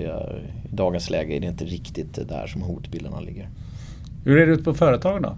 Hur, um, Hur, eh, hur ser det ut där? Vad är, de, vad är de vanligaste problemen man råkar ut för? Alltså, när, när vi tittar på cybersecurity eller IT-säkerhet eller informationssäkerhet så det normala man får frågor om, det är precis det jag har fått frågor om av dig idag. Det är det här med det hacker och man mm. attackerar saker. Men alltså information och IT-säkerhet det handlar ju mycket om att, att vi ska se till att skydda systemen så att ingenting händer, så att vi behåller drift. För jag menar drift, det kan ju ske saker och ting som är omedvetet att någon trycker på fel knapp eller att det är programmerat på fel ställe. Och då, jag menar, då rasar ett system ihop och då gäller det att få upp det systemet så fort som möjligt. Det är ju information och IT-säkerhet. Vi skriver policyn så att eh, personer som bygger systemen bygger dem på korrekt sätt så att de inte ramlar ihop. Eller vi testar, vi tränar och sådär. Så, så cybersecurity har ju en helt annan del. Det här gör du ju inte hemma som privatperson. Den här delen tänker du inte riktigt på. Det är klart att du blir rätt irriterad när ditt wifi hemma inte funkar. Eh, för du kan inte koppla upp TV eller något sånt där. I företagsvärlden då så, så jobbar man ju på olika sätt med att skydda sig hela tiden och på olika nivåer. Eh, jag kan inte säga att det finns en sån här, vi ligger medelnivå i Sverige utan det här är jätteolika. Det beror alldeles på företag. Det beror på vilken företagsledning de har. Det beror på hur de är organiserade. Vilken ägarstruktur de har. Eh, vilket intresse de har, de som sitter i ledningen på företagen. Varför gör man en attack mot ett företag? Vanligtvis. Eh, vanligtvis är det ju eh, pengar förstås. Du är ute efter pengar. Men du kan ju också eh, vara ute efter att stjäla eh, hemligheter. Men än en gång, de, om du stjäl de hemligheterna så säljer du antagligen dem till någon. Eh, så det är, de, det är de vanliga delarna. Det finns förekommande fall när du vill sabotera. Men då pratar vi snarare medel, medelföretagen. Att du har en konkurrent som du vill försöka sabotera. Det vore ju perfekt om du har din, din värsta konkurrent här borta om du sätter in ett ransomware som gör att han inte kan, kommer åt några dokument. Det blir jobbigt för honom att agera på marknaden. Då kan du själv agera. Förekommer det sånt? Ja, det förekommer. Det är klart det förekommer. Så är det ju. Det som vi inte riktigt har sett än som, som, som vi försöker gissa oss till. För det, mitt jobb handlar mycket om att gissa sig. Vad är det som kommer vara, hända om två, tre, fyra, fem år? Vad händer med AI, robotics när det kommer in? Men min gissning är ju att till exempel att vi kanske börjar se miljöfrågorna ta en större plats eh, inom IT-delen. Hur då? Inom säkerheten. Ja, för att eh, alltså, det finns ju rätt mycket miljöbovar i samhället. Eh, och när man börjar inse vilka som är de riktiga miljöbovarna så är det så att de, kommer, de företagen som är riktiga miljöbovar, det finns ju en stor risk att de inte kommer att vara helt fredade utan då kan man tänka sig att där, där har man aktivister som som eh, tycker sig att förstör man miljön så förstör man för all mänsklighet och, och då är de ett hot och då attackerar man dem. Man vill inte att de företagen ska agera fritt. Men hur många av de här attackerna är riktade för att man vill åt pengar eller man vill åt information eller vad man förstöra någonting? Och hur många attacker är som görs bara för att man kan göra det? För jag ska visa, kolla här vad jag gjorde. Eh, det där med att man, kolla här vad visa är väldigt få det, det ja, ah, jag skulle säga att det, det, är mm, under en procent skulle jag faktiskt säga. Det var mer på det glada 90-talet när vi hade eh, till exempel så hade vi eh, de här eh, säga smurfar, så hette de inte utan det var ett gäng utanför Södertälje, Fragglarna eh, hette de, eller Järna tror jag de satt. Och de, de var unga killar, och de är oftast där någonstans 19-20 år som hackade FBI och USA, mm. försvars flygvapnet och sådana här saker. Och det gjorde de för att visa att vi faktiskt kan det. De hackade också hemsidor, det var ju väldigt populärt på 90-talet, slutet på 90-talet, att man gjorde om hemsidor. Så när plötsligt när företaget vaknade på morgonen så, så var det någonting annat på deras sida som var olämpligt. Det var mer roliga busstreck och lite kul. Sen har ju lagstiftningen hunnit fatt det här. Det är ju ganska, det är ju ganska allvarligt brott att göra en dataintrång. Och då är det så att ju fler som har lagförts kring det här Eh, desto färre är det som gör det här eh, buset. Det är inte lika kul att kasta ägg på ett hus om man riskerar att hamna i fängelset. Eh, för det är ju lite det det, det, är så att Den är väldigt få som gör så här. För Men det är inte väldigt svårt att komma åt dem som gör de här attackerna? Jo, det är extremt svårt. Så att risken att åka fast är ganska liten? Ja, så skulle jag säga faktiskt. Och det, ju, det har ju med att, då är vi tillbaka till det här med lagföra någon. Eh, alltså om du ska lagföra någon så, så är det ju väldigt mycket lättare om de är i Sverige. Så är det ju. Gör du attacken i Sverige mot ett svenskt företag så, så då, då, kan man ju faktiskt lagföra dem här. Eh, men om det helt plötsligt begås i ett annat land, en attack mot ett svenskt företag. Eh, det blir en, hel annan, en annan polisiär enhet som också tittar på attacker utifrån Sverige, som attackerat Sverige. Men sen då ska du försöka ha en förbindelse med det här landet och en bra dialog med dem. Eh, för att då få, komma åt de här människorna som har gjort det här. Det är väldigt, väldigt svårt. Så jag, jag läste häromdagen att de, de, de länder de flesta attackerna kommer från är Iran, Ryssland och Kina? Iran, Ryssland, Kina har ju väldigt, är väldigt dominerande i, när det gäller attacker. Ukraina ska jag säga ligger bra till också. Någonting jag läste mig till var också att eh, man numera stjäl datakraft. Mm. Mining, mining kallar ja, man det för. Man Gruv, det? gruvdelar. varför gör man det? Alltså det, det handlar egentligen i grund och botten, det är, då är ju tillbaka till pengar igen. För då pratar vi också om de här kryptovalutorna, bitcoin och allt det här. Eh, och det är så att de är uppbyggda på ett sätt nu ska jag inte krångla till mig med tekniken, men krypterade på en väldigt stark kryptering. Och för att dekryptera den så krävs det väldigt mycket datakraft. Eh, och då är det så att för att få den datakraften, den har man inte hemma i sin PC eller någonstans. Utan inte ens ett par servrar räcker, utan då måste man stjäla datakraft. Då måste man använda sig av datacenter eller annan data, stora liksom datacenter för att kunna använda sig av den kraften för att egentligen kunna stjäla. Eller på annat sätt göra andra saker.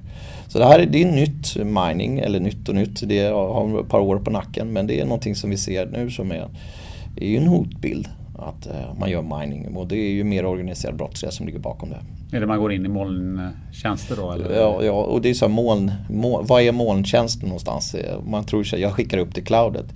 Ja, skickar upp det. Kan du få ner det du har skickat upp i cloud? Eller är cloudet egentligen någon sån här datacentra någonstans som sitter på olika ställen och sen går det via eh, Alltså, eh, kanske inte via någon form av lina just inpluggad i det men, men eh, cloud egentligen är väldigt lik klassiska eh, datacentra. Men ibland känns det som att eh, de som försöker stoppa eh, de här attackerna och så vidare alltid ligger ett steg efter. Varför är det så himla svårt att eh, skydda sig mot de här attackerna? Mm. Alltså jag tycker att det är ganska naturligt att det är så, att man ligger ett steg efter. För det är, jag menar, titta i den fysiska världen, det är ju fortfarande så att polisen ligger ju ett steg efter dig. Alltså du kör för fort och sen jagar de med dig. Eh, och det vore väl härligt om ingen körde för fort. Men i den här branschen så är det också så att vi hittar skydd eh, och sen hittar de något sätt för att ta sig förbi det skyddet. Det är ju ganska naturligt om de vill göra en massa dumheter. Och då sätter vi, jagar vi efter och så sätter vi nästa skydd och så hittar de någonting annat och så håller vi på det här racet. Och det är det här som jag försöker prata om, att vara lite proaktiv eller reaktiv. För det är en viss skillnad inom IT-säkerhet, framförallt för företagen som jag ser att det är bättre att ni är proaktiva än att ni är reaktiva. För är ni reaktiva då har någonting hänt. Och då ligger ni risigt till. Men om ni hela tiden försöker att sätta upp en IT-säkerhet eller informationssäkerhet som har en hög nivå så är det en stor sannolikhet att man väljer någon annan. Och då har ni varit, och då har ni varit liksom proaktiva hela tiden. Hamnar ni i den reaktiva delen, då är det för sent. Då blir det dyrt. Mm, då blir det dyrt. Men det är, jag tycker att det är ganska naturligt att de ligger steget före. Och det är inte så svårt att skydda sig. Problemet bara är att det här är en utveckling. Och ju mer vi digitaliserar desto större eh, utmaning har vi att skydda. För det är ju så att det, det är ju det mänskliga beteendet, tillbaka till det mänskliga beteendet. Som du betedde dig för tre år sedan, det gör du, du har ett annat beteende idag. Ett helt annat digitalt beteende än vad du hade för tre år sedan. Det är jag rätt säker på. Så om du funderar, funderar på hur du gjorde för tre år sedan. Var du agerade någonstans, vad du satt i för bil och vad du tryckte på för knappar. Och hur telefonen funkade för tre år sedan. Eller hur du gjorde när du kom hem om du var kodlås eller nyckel. Så är du mycket mer digital nu och det betyder att du har ändrat ditt beteende. Och det gör ju också att, att då måste vi lära oss hur vi ska skydda det. För du är inne på det här med just den mänskliga faktorn. För vi har haft ett antal IT-skandaler. Om vi tar upp några då. Transportstyrelsen som hade oskyddad data som låg öppen för ej säkerhetskontrollerad personal. Eh, Facebook och Cambridge Analytica-skandalen där man tankade ner data i forskningssyfte och sen så använde, sålde man det vidare då i samband med valet i USA. Mm. Och nu 1177-skandalen eh, som var då med, med, när det gäller patientsamtal som, som låg oskyddade där under flera år. Och där blir det ju, tycker jag det blev ganska lustigt eller märkligt eller vad man ska säga då. För det, där är ju någon citat då. Eh, någon hade troligtvis stoppat in en internetsladd i hårddisken Ehm, och då fick den en IP-adress och, då var det, adress, och då var det fritt fram. Och det visade sig att den simplaste hårddisk är nåbar om den ansluts till nätet. Det är ju bara att ta åt sig detta och säga Wow, fasiken också! Och det var VDn för han som var ansvarig för det här. Och då undrar man liksom eh, är det där som den riktigt låga nivån är? Ja. Bland oss människor? Ja, alltså det är ju, eh, jag, jag, jag, jag antar att det här är hundra, jag vet inte vad det var för någonting du refererar till här. Det är väl någon som har sagt någonting här som man inte kanske riktigt har på fötterna. Jag tror Nej, det var, riktigt- det var, en, det var ett, ett, bolag, ett externt bolag inblandade i som Ja. hanterade de här patientsamtalen och Ja. lagrade dem. Och då blev han jätteförvånad över att, han, att hårddisken anslöts till... Om inte jag hörde det där på radion där. Ja. För jag, jag, jag, jag, jag småskrattar lite och det är lite synd, man ska inte sitta och skratta för det, det, är, det är en krissituation och det måste vara jättejobbigt för dem att hantera det här. Så det har jag full respekt för att, att de var nog lite förvirrade här i det här sammanhanget. Men, men, eh, eh, Vad jag är ute efter är, nivån. är nivå, alltså den Ja. mänskliga faktorn, det är egentligen den som är problemet Ja. i grunden. Att det, är, det är inte maskinerna och skydden av dem utan det är vi, vårt beteende, vi, Ja. våra, vi människor. Ja, helt klart så är det. Det är vårt beteende och det är så att de- här maskinerna och tekniken byggs av människor. Det vill säga att människorna är inte, vi är inte fullfrädare, vi gör fel och det gör vi även när vi bygger det här. Men framförallt så är det beteendet som är, är väldigt, väldigt viktigt här. Jag jobbade ganska tidigt läge med eh, när jag satt och försökte skydda bankerna. Eh, det här med både BankID och de här doserna. Så satt vi och diskuterade hur ska vi skydda det här för så att, så att inte någon bedragare kommer åt våra kunders pengar. För det var ju ändå det som var min uppgift. Och vi hade olika övningar där vi satt och vände på det och så lekte vi bedragare. Sen försökte vi då, hur skulle vi göra om vi skulle försöka komma åt de här pengarna? Alltså, vad gör vi så att säga? Och, och då börjar man prata om tekniker.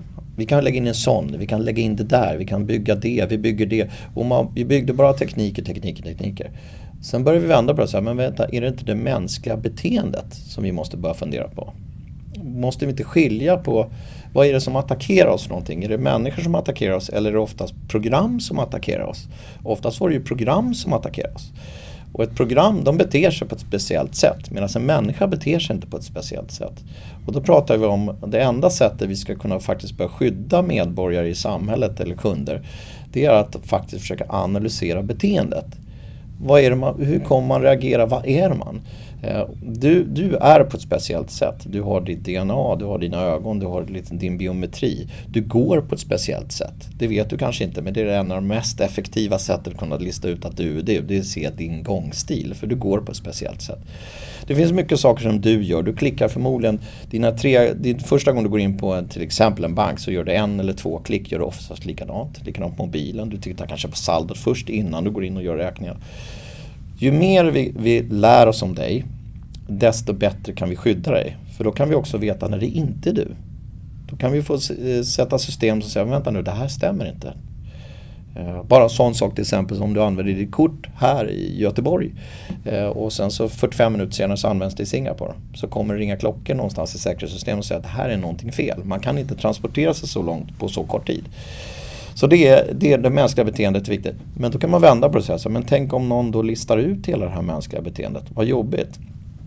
Då, då kan man ju ta över mig totalt, då kan man ju spela mig. Och då börjar vi komma in i AI och robotics-världen och, och de utmaningar vi kommer eh, se framöver. Det är en helt annan säkerhet som jag vet inte hur lång tid vi har men det, det finns en jätteutmaning kring, kring de delarna också. Jag kan tänka mig det att det måste vara, bli extremt jobbigt. Mm. När, eh, när man med hjälp av AI kan identifiera människor på det sättet. Ja. Det måste bli en utmaning. Ja. Och, det är, ju- och det är ju så att när vi tittar på, om vi tittar på AI robotics så, så jag tror att det, alltså det är fantastiska möjligheter eh, som, som vi har med AI robotics. Sen får man vara lite grann försiktig när man, när man går in i det området. Om jag tittar i rent säkerhetsperspektiv så kan det ju vara så att Eh, om jag vill attackera ett företag till exempel eh, så kan man ju sätta en AI-robot att försöka attackera det företaget. Eh, I dagens läge så är det ju någon som, att, som sätter igång och sitter och knappar någonstans och jobbar mot och försöker attackera och leta. En AI-robot den håller ju på och letar och sen hittar den inte. Då gör den på nytt sätt, på nytt sätt. Och den kör ju hela tiden, dygnet runt och, och den har, har, en riktigt bra kraft i sig så lär den sig ganska snabbt. Det, vi har ju sett många, många exempel på AI-robotar som slår människor i schack och det här Go och de här eh, brädspelarna och sådär. Ganska fort slår man ju en, en människa. Eh, och det kommer ju göra inom IT-säkerhet också. Och det enda sättet att skydda sig mot det där, det är ju att vi sätter den tillbaka. En AI på ena sidan? Ja, vi måste, det är ju precis så vi tänker. Vi måste ju tänka vi måste ha AI-robotar som skyddar. Vi måste ha en AI som börjar upptäcka, där kommer en attack. För vi har ju så kallade eh, SOC, heter det, eller Security Operations Center. Det är ju precis som du ser på TV. Man sitter och tittar och monitorerar olika skärmar. Och där ser man egentligen trafiken, hur den går. Och så kan man snabbt se att helt plötsligt så är det väldigt mycket trafik mot ett ställe. Och då kan man se att där, där kommer, förekommer en attack. Eh, och det ser ju vi med mänskliga ögat eller när vi tittar, analyserar olika eh, data. Men det, sätter du in då en AI-robot så kan ju den snabbt upptäcka det här på en gång. Så det... För det, finns, det handlar väl också lite grann, vi ska avrunda här snart, men det handlar väl också lite grann om hur, vilken tillgänglighet fler människor får till eh, eh de här eh, skadliga programmen eller att man kan attackera. För jag eh, googlade faktiskt på det här med IT-attacker igår och då hittade jag något som heter Mailware as a Service, det vill säga att man kan köpa en, en attack inklusive medföljande service. Mm. som vilken programvara som helst. Mm. På Darknet förvisso, ja. men ändå. Mm. mm. Och då börjar det bli riktigt med som att det ja. finns någon som tillhandahåller eh, det på samma sätt som du kan köpa eh, vanliga programvaror ja, ja, med service. Så är det. Och du kan köpa antal mailadresser om du vill göra en så kallad phishing-attack. Kan du köpa antal aktiva mailadresser kan du göra. Jag tror att till och med att du kan köpa aktiva datorer som redan är hackade. Som sköts av en så kallad bot. Alltså botnet som, som har en där du kan rikta en attack ifrån. Det går att köpa det mesta i dagens läge. Sen är det ju så att det, hela tiden så måste vi förstå att, att allt det här är ju olagligt. Du kan ju också köpa vapen idag på vissa ställen. Eh, eh, eh, lagligt eller olagligt. Eh, och de kan ju också användas på olagligt sätt. Likadant är det med det här. Det är klart att du kan köpa trojaner eller, eller olika botnets eh, som, som kan göra olika saker. Men, men, men när du sen börjar göra det, då begår ju du ett brott. Och det är det här som är, är själva Fast där är det lite grann eh, upp, risken för upptäckt. Var är den större om man begår eh, tre bostadsinbrott? Mm. Eller och, och stjäl lite grejer som jag sen får svårt med att göra mig av med. Uh, och måste sälja via någon hälare. Eller om jag sitter hemma och så köper jag lite lite sådana här grejer utav någon och så gör jag det, sitter jag det hemma och så blir det lite svårare att bli upptäckt och jag kan tjäna mer pengar på det och sådär och det är klart att det, det är Speciellt om du gör det i ett annat land. Ja. Eh, Men det är fortfarande tillbaka, jag brukar också säga det är det där gamla klassiska follow the money. Alltså, eh, det är ju någonstans att även fast du gör massa sådana här delar så är, eh, du har ett syfte med någonstans att du kanske vill ha pengar. Eh, det är oftast det syftet. Och då är det så att du måste ju få pengarna någonstans från. Och det är oftast där som det går snett. Hur ska du få ut pengarna om du lurar någon? Hur ska du liksom få de här pengarna utan att någon upptäcker? För, för de monetära transaktionerna i dagens läge, de är ju verkligen spårbara. Eh, och det går ju upp till olika delar så att där kan man ju faktiskt spåra mycket bättre. Det är så man, eh, man så att säga, upptäcker de här som, som begår brott.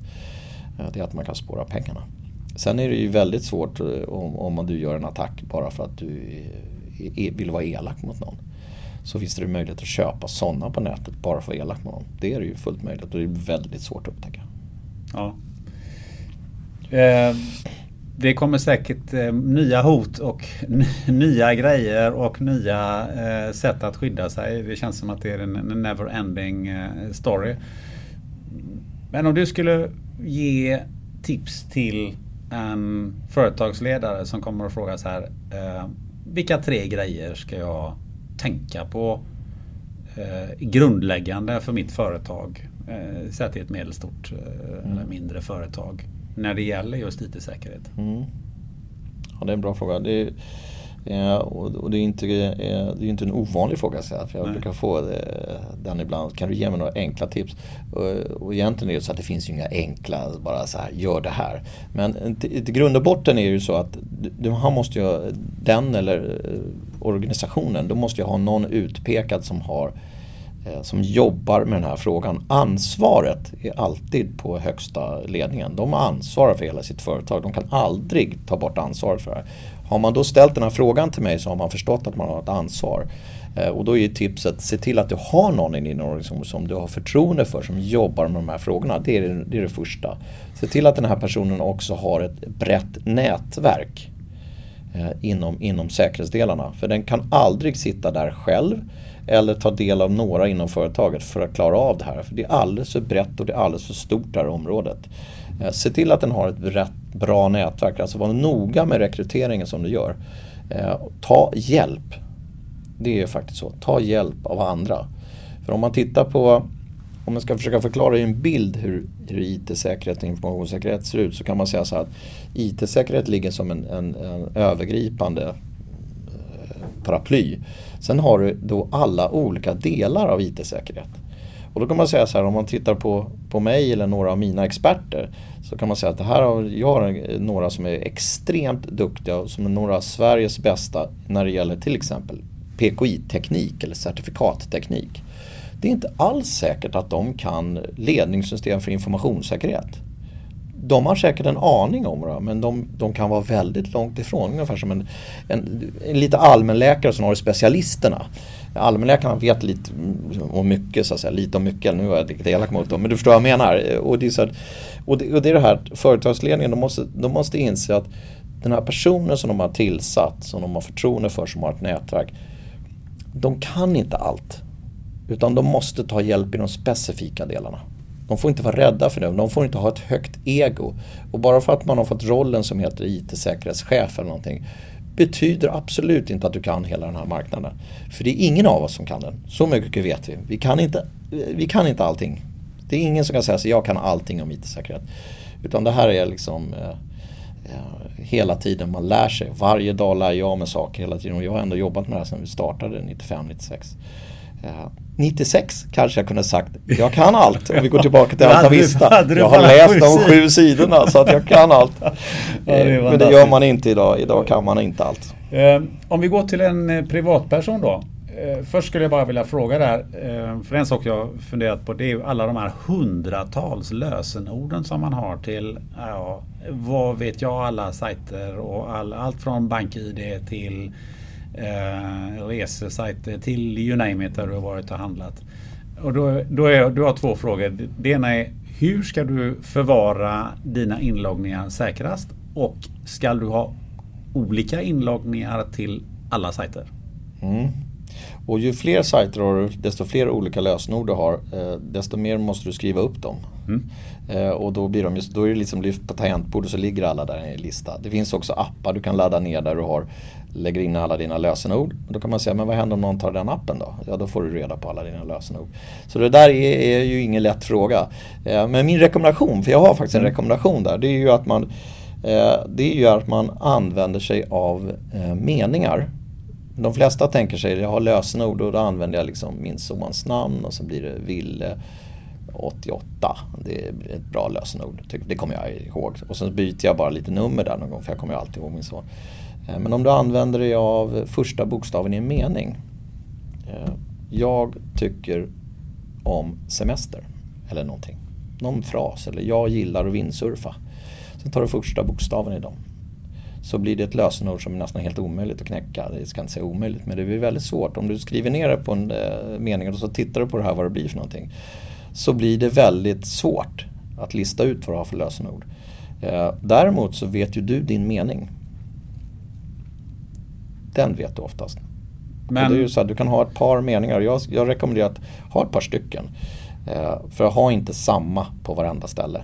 Men det är okej okay att ha samma på ett antal? Ja, det ty jag tycker det. Ja, för att det kommer alltid till den här, någonstans har du användarvänlighet kontra säkerhet. Eh, och ju säkrare vi har tenderat att göra saker desto svårare är det att använda. Och så är det med allt vi gör. Vi, vi kan göra internetsajter som är extremt svåra att logga in sig på för de har så hög säkerhet så att det är ingen som kan logga in sig på dem.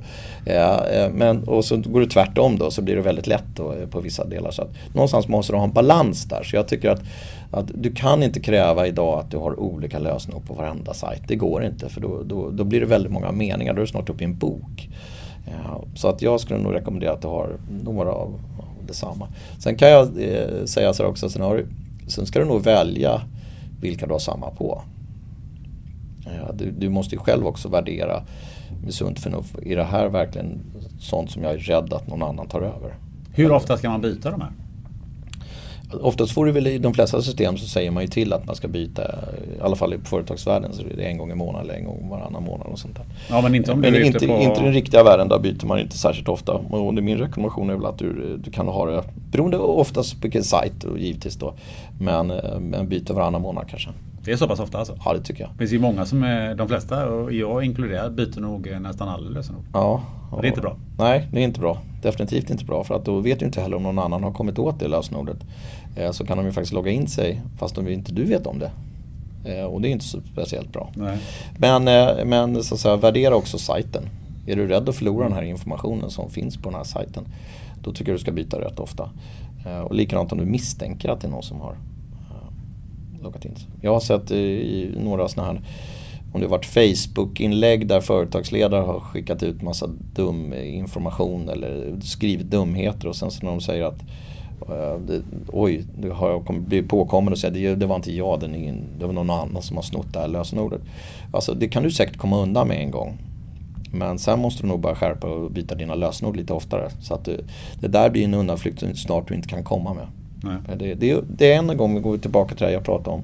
Ett ansvar som vi alla medborgare måste ta. Vi måste bli bättre på det här. Vi måste bli mer informerade. Vi måste agera lite bättre. Om alla böt sina lösenord lite oftare på de här stora eh, sajterna som vi oftast alla har samma lösenord på. Eh, så skulle du inte heller ha så mycket attacker där, där man, där man kommer åt lösenord. Har du någon mer sak som du tycker du ska skicka med en privatperson eh, för att eh, på ett väldigt enkelt sätt öka sin IT-säkerhet? Ja, ja nej, jag, jag vill alltid, jag, det sunda förnuftet. Det är det som jag verkligen trummar för.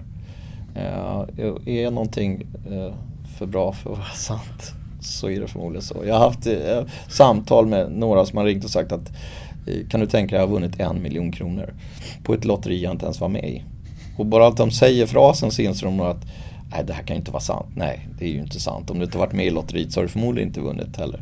Eh, och man, blir inte, man vinner inte bara miljoner rakt av hejvilt. Eh. Så att eh, eh sunt förnuft Sunt förnuft. Sunt förnuft. Ett grymt eh, slutord på det här. Nu har jag bara någon fråga kvar här. Och det, jag tänkte höra med hur eh, tycker du det har varit, eh, varit att sitta här och prata med mig? Nej, jag tycker, det här är ju ett ämne som jag brinner för. Jag tycker det är jätteroligt att, att prata om det här. Jag kan hålla på i timtal. Så att jag, jag, tycker, det är, jag tycker det är jättespännande. Eh, du har ju andra perspektiv än, än vad jag kanske träffar på dagligen. Eh, eh, utan det är ofta så att där sitter man kanske från företagsledningen och ska skydda sitt företag eller någonting har hänt och man är i en krissituation. Ja, men det, det, är inte så ofta som jag får de här frågorna. Det är mer, nästan lite middagsfrågor. Någon ja. där, det här har hänt eller ja. går det här eller ja. är det här möjligt? Jag tycker det, det är en trevlig diskussion. Jag tycker att det är bra. Mm. Eh, och kan vi sprida det här vidare att den digitala världen den har hot men den är inte riktigt så farlig som jag tror att vi alla tycker. Om du skulle lyssna på någon i den här podden, vem skulle det kunna tänkas vara? Eh, då skulle jag vilja lyssna på eh, Försvarsmaktens CEO, eh, Fredrik Robertsson. Det skulle vara en intressant person att lyssna på. Det låter ju grymt intressant. Ja, de har nog väldigt mycket, eller kanske inte har så mycket de vågar säga, men jag tror att det finns mycket som de skulle vilja säga. Um, slutligen, om man vill följa dig eller komma i kontakt med dig, hur gör man då? Ja, då går man oftast via eh, CGI, mitt företag. Där finns du? Där finns jag. Jag har ju en LinkedIn också som är, är Christer Samuelsson så att det är inte ja. så eh, det, det, är inte så hemligt i Nej. det sammanhanget. Nej. Däremot så är jag väldigt sparsam när det gäller Facebook och andra delar för det Jobbar man inom den här branschen så är man lite man, försiktig. Då man ska man inte hålla Man tvingas ibland använda det för barnens eh, ishockey eller vad det kan vara. Ja. Men, men eh, man ska vara lite sparsam med vilken information man skickar ut om sig själv. Christer Samuelsson, fantastiskt trevligt att jag fick prata med dig. Stort tack för att du besökte podden. Tack själv för att jag fick vara med.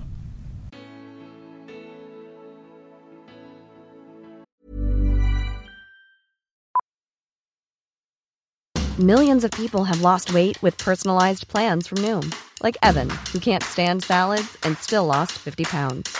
Salads generally for most people are the easy button, right? For me, that wasn't an option. I never really was a salad guy. That's just not who I am. But Noom worked for me. Get your personalized plan today at Noom.com. Real Noom user compensated to provide their story. In four weeks, the typical Noom user can expect to lose one to two pounds per week. Individual results may vary. Hold up. What was that? Boring. No flavor. That was as bad as those leftovers you ate all week. Kiki Palmer here, and it's time to say hello to something fresh and guilt-free. Hello Fresh. Jazz up dinner with pecan-crusted chicken or garlic butter shrimp scampi. Now that's music to my mouth. Hello Fresh. Let's get this dinner party started. Discover all the delicious possibilities at hellofresh.com. I'm Sandra, and I'm just the professional your small business was looking for. But you didn't hire me because you didn't use LinkedIn jobs. LinkedIn has professionals you can't find anywhere else, including those who aren't actively looking for a new job but might be open to the perfect role, like me. In a given month, over 70% of LinkedIn users don't visit other leading job sites. So if you're not looking on LinkedIn, you'll miss out on great candidates like Sandra. Start hiring professionals like a professional. Post your free job on linkedin.com/people today. Jag vet inte vad du lärde dig i det här avsnittet, men jag måste säga att jag lärde mig att det är mycket mer upp till mig själv att agera förebyggande för att skydda både min mobil, min dator och min arbetsplats mot IT-angrepp. Så vad tyckte du? Gå in och betygsätt podden i iTunes. Då blir jag himla glad. Nästa avsnitt, det blir en prövning för mig. Det blir nämligen min första intervju med en politiker. Och det är ingen mindre än KDs toppkandidat David Lega som kommer till podden. Och det blir naturligtvis mycket snack om vart EU är på väg och hur han vill make EU lagom again. KD-propaganda kanske du säger? Skulle inte tro det. Jag lovar att David kommer få rejält med tuggmotstånd. Till dess, sätt dig med en vän, öppna ett glas rött och fundera på varför du ska rösta i EU-valet. Ha det gött!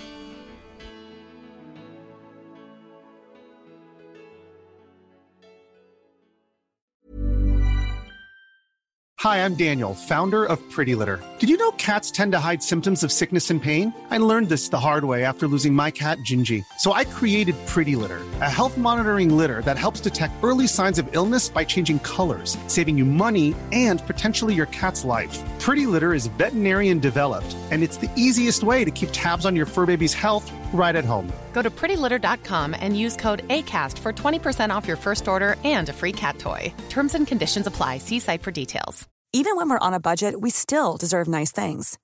Quince is a place to scoop up stunning high end goods for 50 to 80% less than similar brands. They have buttery soft cashmere sweaters starting at $50, luxurious Italian leather bags, and so much more. Plus, Quince only works with factories that use safe, ethical, and responsible manufacturing.